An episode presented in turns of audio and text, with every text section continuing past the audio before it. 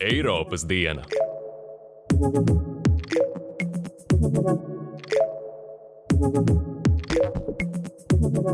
Sveicināti Eiropas dienā! Es esmu Andris Uzāns. Šajā podkāstu epizodē runāsim par īpašu vilcienu sastāvu, kas šomēnes šķērso visu Eiropu, lai popularizētu vilcienu satiksmes izmantošanu. Pievērsīsimies Eiropas parlamenta paustajām bažām par sieviešu tiesību stāvokli Afganistānā un ieskatīsimies Eiropas parlamenta darba kārtībā tuvākajiem mēnešiem. Vēl skaidrosim valstu dažādo nostāju jautājumā par nepieciešamību pēc Covid-19 vakcīnas papildu jeb trešās devas, kā arī pārlūkosim Eiropas parlamenta ārlietu komitejā apspriesto jautājumu par migrantu kustību pār Baltkrievijas robežām ar Latviju, Lietuvu un Poliju.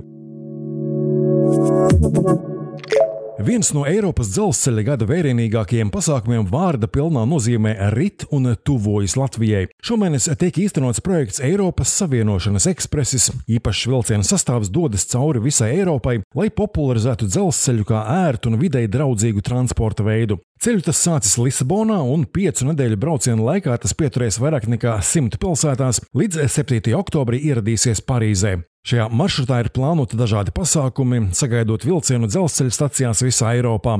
Jebkurš interesants var sekot līdzi debatēm, kas notiek vilcienā, kā arī konferencēm par Eiropas Savienības infrastruktūras politiku un Eiropas transporta tīkla lomu, kuras izmantojot pasākumu tīmekļa vietni Connecting Europe Express EU, tiks straumētas tiešraidē. Latvijā vilciens piestās 21. septembrī Jālgavā un Rīgā. Kā viens no mūsu tīrākajiem transporta veidiem, dzelzceļš ir sabiedrotais, veidojot nākotnes oglekļa neitrālu Eiropu.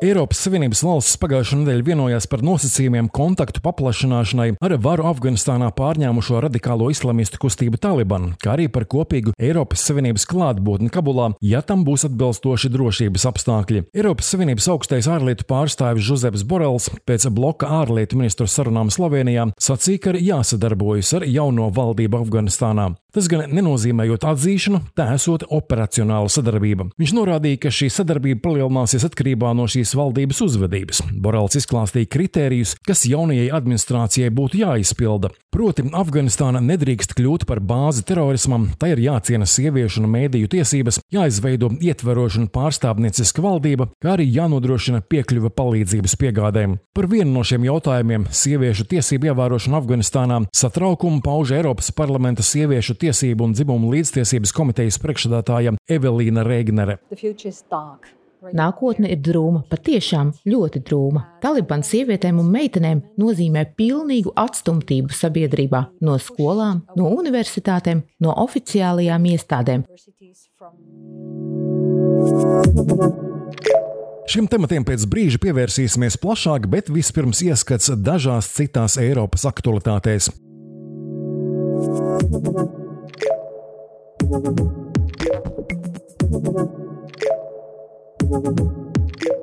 Pēc vasaras brīvdienām Eiropas parlamenta deputāti atgriežas pie daudz eiropiešiem būtisku jautājumu risināšanas. Ieskatīsimies dažos parlamenta darba kārtības punktos tuvākajiem mēnešiem. Jaunā politiskā darba sezona sāksies ar debatēm par stāvokli Eiropas Savienībā, kad Eiropas parlamenta deputāti iztaujās Eiropas komisijas prezidenti Urzulu Fonderleinu par komisijas darbu pagājušajā gadā un prioritātēm un uzdevumiem turpmākajiem 12 mēnešiem. Debats notiks Strasbūrā 15. septembrī.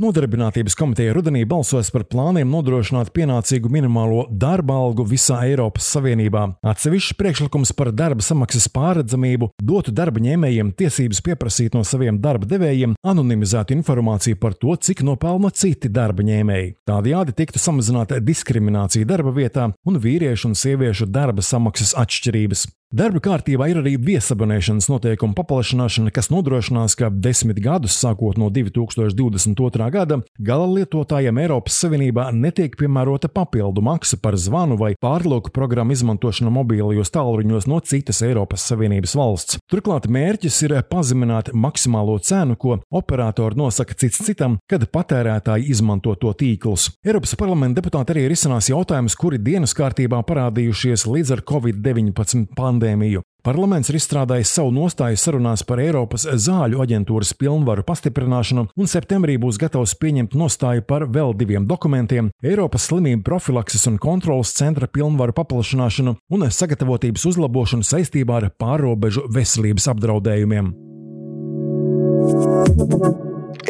Eiropā un visā pasaulē šobrīd ir pretrunīgi viedokļi par to, vai un kāda cīņā ar covid-19 pandēmiju būtu nepieciešama papildu jeb trešā pote. Pētījumi apliecina, ka vakcīnu efektivitātes rādītāji laika gaitā samazinās. Tālūk, Lielbritānijas Oksfordas Universitātes zinātnieki noskaidrojuši, ka divu visbiežāk izmantoto koronavīrusa covid-19 vakcīnu Pfizer un AstraZeneca efektivitāte samazinās jau aptuveni trīs mēnešus pēc otrās devas ievadīšanas. Arī šie pētījumi aktualizē jautājumu par vajadzību pēc trešās potes. Par Eiropiešu veselību atbildīgā iestāde Eiropas slimību profilakses un kontrolas centrs pagājušajā nedēļā paziņoja, ka tiem, kas ir pilnībā vakcinēti pret covid-19. Pašlaik nav steidzamas nepieciešamības saņemt vakcīnas papildu devu, taču būtu jāapsver iespēju šādu balstu vakcinācijas devu piedāvāt cilvēkiem ar īpaši novājinātu imūnu sistēmu. Līdzīgu viedokli paudus arī Latvijas imunizācijas valsts padome, kas iesaka papildība balstu vakcinācijas devu pret covid-19 potēt pacientiem ar ļoti novājinātu veselību, proti personām, kas pielīdzināmas slimības vai terapijas izraisītas augstas imūnsupresijas pacientiem. Imunizācijas valsts padome arī secinājusi, ka plašas sabiedrības vakcinācija ar papildu devu šobrīd vēl nav zinātniski pamatota. Savukārt Lietuvā Covid-19 vakcīnas papildu devu plānots piedāvāt visai sabiedrībai, sākot no vecāka gadagājuma cilvēkiem un prioritārajām iedzīvotāju grupām. Tikmēr Francijā ar 1. septembri sākta potēt vakcīnas trešā deva. Poti var saņemt iedzīvotāju vecumā virs 65 gadiem un pacienti ar hroniskām slimībām. Par saviem plāniem papildu potes nodrošināšanā paziņojušas arī Ungārija, Vācija un Lielbritānija. Tikmēr Izrēlā jau tagad visi iedzīvotāji no 12 gadu vecuma var saņemt Covid-19 vakcīnas papildu devu. Savukārt ASV visi pieaugušie iedzīvotāji no 20. septembra varēs sākt saņemt Pfizer un Moderna vakcīnu trešo devu. Šo pieeju kritizē Pasaules veselības organizācija, kas pagājušajā mēnesī aicināja vismaz līdz septembra beigām noteikt moratoriju Covid-19 vakcīnu papildu devām cilvēkiem, kas jau ir pilnībā vakcinēti pret Covid-19. Pasaules veselības organizācijas ārkārtas situāciju programmu direktors Maiks Rajans izteicās, ka valstis izdala glābšanas vestes cilvēkiem, kuriem jau ir glābšanas vestes, kamēr citi cilvēki tiek atstāti noslīgt. Pasaules veselības organizācijas kritiku noraidījis Eiropas Savienības iekšējā tirgus komisārs Thierry Bretons, kurš atbild par Eiropas Savienības Covid-19 vakcīnu piegāžu saskaņošanu. Viņš norādījis, ka Covid-19 vakcīnu trešo devu iepirkšana Eiropiešiem nav negodīga attiecībā pret nabadzīgākajām valstīm. Viņš skaidro, ka papildu devām Eiropā nepieciešama aptuveni 300 līdz 350 miljonu devu, kas atbilst daudzumam, ko mēneša laikā iespējams saražot Eiropā. Viņš piebilst, ka jebkurā gadījumā papildu devas nebūtu jāievada ātrākās sešus mēnešus pēc tam, kad pabeigta vakcinācija pret covid-19. Viņš arī norādīja, ka uz nabadzīgākajām valstīm, galvenokārt uz Āfriku, ir nosūtīti simtiem miljoni vakcīnas devu.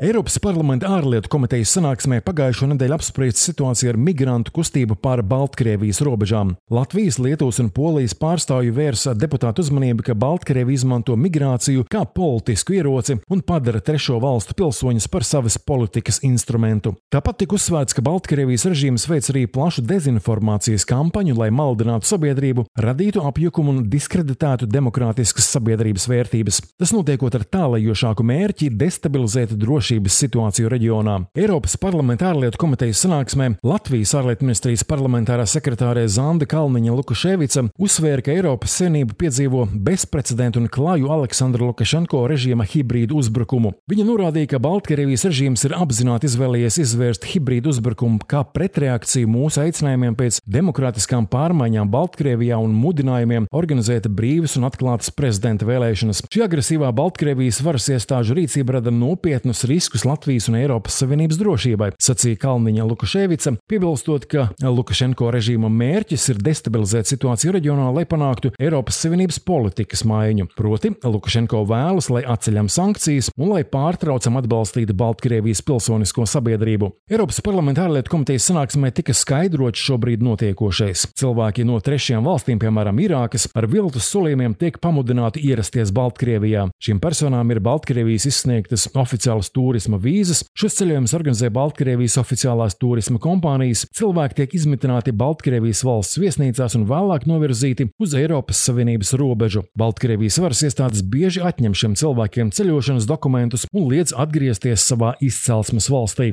Latvijas ārlietu ministrijas pārstāve norādīja, ka, lai novērstu šo uzbrukumu Eiropas Savienībai kopā ar līdzīgi domājošām valstīm, ir jāturpina spiediens uz Lukašenko režīmu, piemērojot papildu sankcijas, tostarp pret Baltkrievijas oficiālo aviokompāniju Belavija. Eiropas parlamenta ārlietu komitejas sēdē tika pausts atbalsts vienotai un solidārai Eiropas Savienības atbildēji Aleksandra Lukašenko režīma radīto hibrīdu draudu apstākļos.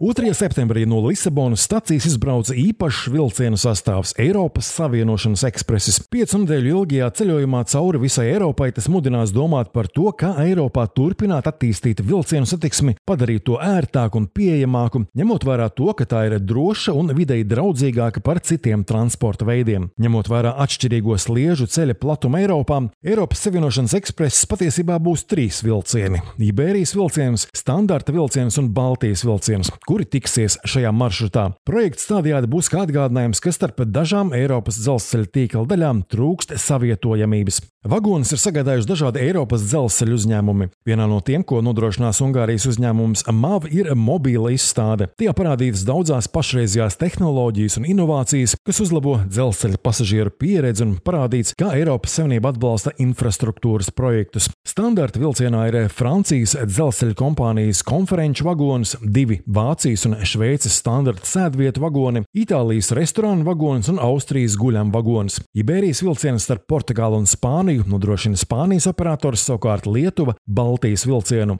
Latvijā vilciena sastāvs ieradīsies otrdien, 21. septembrī, un piestās Rīgā un Jālgavā. Eiropas Savienības transporta komisāre Adina Valjana aicina sagaidīt Eiropas Savienošanas ekspresu it visur, kur tas piestās.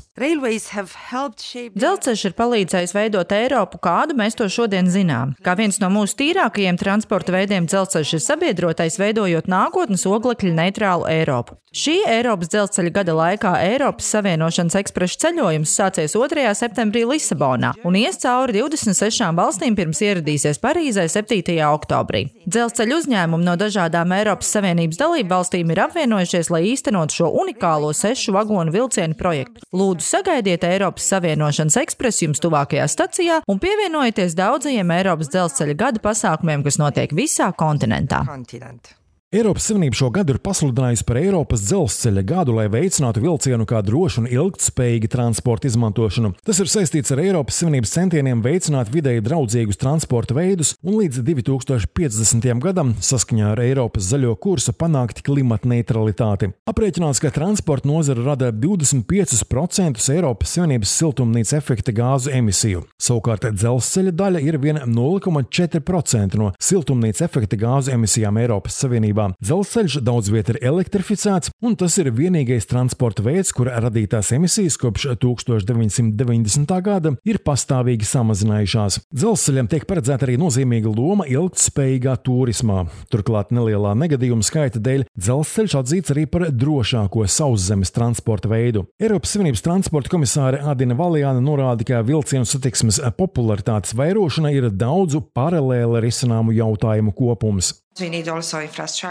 Mums ir nepieciešama arī infrastruktūra, jāpievērš lielāka uzmanība arī biļešu tirdzniecībai, pasažieru tiesībām. Viss jāskata ļoti savstarpēji saistīti, ja mēs vēlamies sasniegt rezultātu savā darbā, proti, lai padarītu dzelzceļu pievilcīgāku Eiropā. Un tas ir vajadzīgs kā ilgspējīga alternatīva. Taču tas ir arī bizness, tā ir konkurētspējīga nozara mūsu ekonomikā, un šajā nozarē strādā lieliski cilvēki. Tāpēc mēs uz to skatāmies ar cerībām un apņēmību palīdzēt uzlabot to.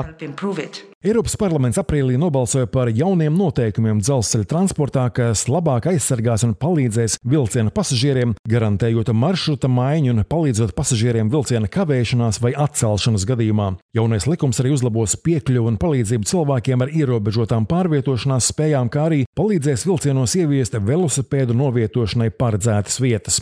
Latvijā, kur vilcienu satiksme atzīta par transporta mugurkaulu, lielas cerības tiek liktas uz jaunajiem elektrovilcieniem. Par spīti Covid pandēmijai uzņēmums Škoda Vagonka turpina jauno elektrovilcienu būvniecību un pirmos jaunos sastāvus mēs Latvijas satiksmē sagaidīsim nākamgad. Saskaņā ar noslēgto līgumu kopumā tiks saņemti 32 jauni elektrovilcieni, un to piegāde notiks pakāpeniski. Pirmie 23 vilcieni tiks piegādāti nākamgad, bet pēdējie līdz 2023. gada beigām. Latvijā sākts arī dzelzceļa staciju modernizācijas projekts, kas paredz paaugstinātu peronu izbūvi 48 dzelzceļa stacijās. Satiksmes ministrija arī strādā pie jauna vilcienu iepirkuma, kas pašlaik paredz septiņu jaunu bateriju vilcienu izmantošanu Rīgas un Pierīgas satiksmē. Tikmēr aktīvi notiek infrastruktūras izbūves un projektēšanas darbi vērienīgajā Rail Baltica projektā, kas paredz izveidot Eiropas standarta sliežu platuma dzelzceļa līniju no Tallinas līdz Lietuvas un Polijas robežai, lai tālāk ar dzelzceļu Baltijas valstis būtu iespējams savienot ar citām Eiropas valstīm.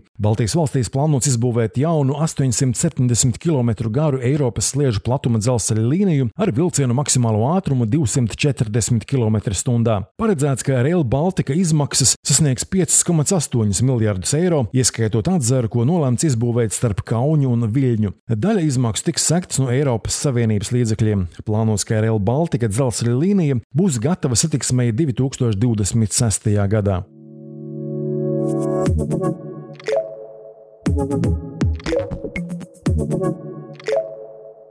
you. Straujā notikuma attīstība Afganistānā, kur varu pārņēmusi islāma kustība Taliban, mudina arī Eiropas Savienību steidzami meklēt atbildes uz vairākiem jautājumiem. Kā veidot kontaktus ar jauno varu, kā risināt jautājumu par gaidāmām bēgļu straumēm no šīs valsts, un kā palīdzēt tiem, kuru dzīvības Afganistānā šobrīd ir briesmās. Lai arī joprojām ir pietiekami daudz neskaidrību par to, kā dzīve Afganistānā varētu ritēt turpmāk, ir saprotams, ka Taliban iedibinātā jaunā kārtība valstī nopietni apdraud cilvēktiesību un arī sieviešu sieviešu tiesību ievērošanu. Talību iepriekšējā valdīšanas posmā no 1998. līdz 2001. gadam sievietēm bija aizliegts piedalīties politiskajā, ekonomiskajā un sabiedriskajā dzīvē. Bija aizliegts apmeklēt skolas un universitātes, kā arī strādāt un ieņemt amatus valsts pārvaldē. Sievietēm bija ļauts iziet ārpus mājas tikai ģimenes vīriešu pavadībā. Par laulības pārkāpšanu sievietēm draudēja nāves sots nomētājot ar akmeņiem. Jaunā Taliban vara gan paziņoja, ka sieviešu tiesības tikšot ievērotas, bet ar nelielu piebildi šārijāta likuma ietvaros. Talība apgalvo, ka sievietes varēs mācīties un strādāt, kā arī patstāvīgi pārvietoties. Sievietes varēšot vadīt televīzijas pārraides un piedalīties nākamās Afganistānas valdības darbā. Tomēr viena lieta ir paziņojumi, pavisam cita, vai solījumi vienmēr un it visu visur tiks ievēroti. Jau tagad tiek saņemti ziņojumi par to, ka šie solījumi tiek ignorēti un ir fiksēti gadījumi, kad sievietēm tiek liekta iespēja strādāt vai mācīties. Bažas par notikumu attīstību Afganistānā pauž Eiropas parlamenta sieviešu tiesību un dzimumu līdztiesības komitejas priekšsādātāja Evelīna Reignere. Nākotne ir drūma, patiešām ļoti drūma. Taliban sievietēm un meitenēm nozīmē pilnīgu atstumtību sabiedrībā, no skolām, no universitātēm, no oficiālajām iestādēm. Tas nozīmē viltus laulības, tas nozīmē vardarbību. Būt sievietei, būt meitenei Afganistānā nozīmē lielu bīstamību un ka jūsu dzīvība ir apdraudēta. Notikumi Afganistānā šovasar attīstījās negaidīti strauji. Noslēdzoties ASV un citu ārvalstu militāro kontingentu izvešanai no Afganistānas, Talibi augustā izvērsa vispārēju uzbrukuma operāciju un īsā laikā savās rokās sagrāba teju visu valsts teritoriju, bet 15. augustā viņu rokās krita arī Kabula. Īsts haoss izvērtās ASV karavīru apsargātajā Kabulas lidostā, kur ieradās tūkstošiem cilvēku baidoties no islamistu zvērībām, cerībā pamest valsti. Līdz brīdim, kad Afganistānu pameta pēdējais ASV karavīrs, koalīcijas spēkiem izdevās evakuēt vairāk nekā 123 tūkstošus civilu personu. Uzreiz pēc masu evakuācijas noslēguma un pēdējās lidmašīnas pacelšanās lidostu jau sāka kontrolēt talibi. Daudz tūkstošu cerības pamest valsti nepiepildījās. Tiesa gan talibi iepriekš bija paziņojuši, ka Afganistānas pilsoņiem būs atļauts doties uz ārzemēm un atstāt Afganistānu jebkurā laikā, gan pa zemi, gan pa gaisu. Šo talibu apņemšanos rezolūcijā mudināja ievērot arī ANO drošības padome un atļaut afgāņiem, kā arī ārvalstu pilsoņiem drošā veidā izceļot no Afganistānas. Uz to norāda arī Eiropas parlamenta sieviešu tiesību un dzimumu līdztiesības komitejas priekšsādātāja Evelīna Reignere.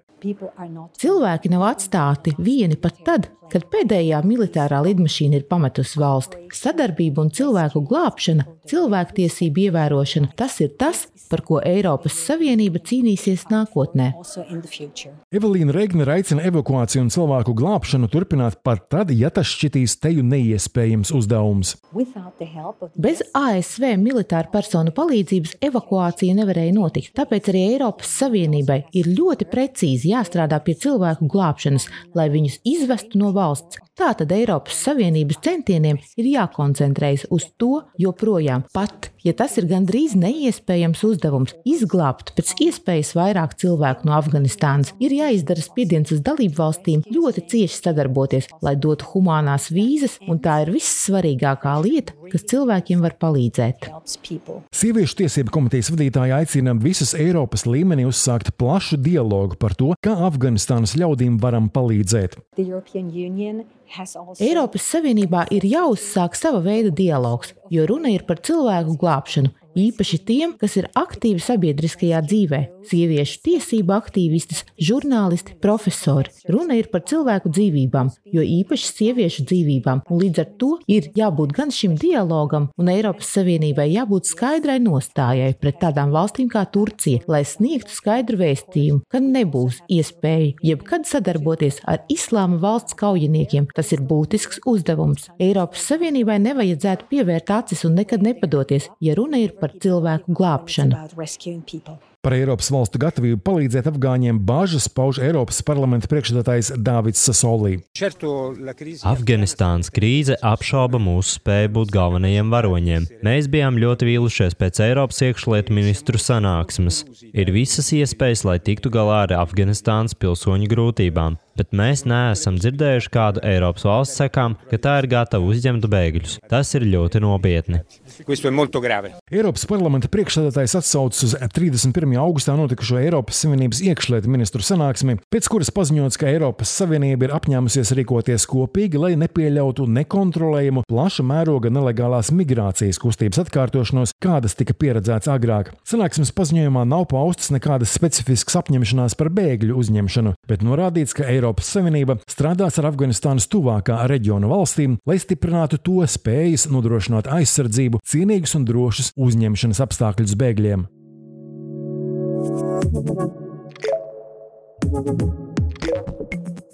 Raidījuma izveidi finansiāli atbalsta Eiropas parlaments. Par raidījumu saturu atbildīgi tikai tā autori, un Eiropas parlaments nav iesaistīts tā sagatavošanā. thank you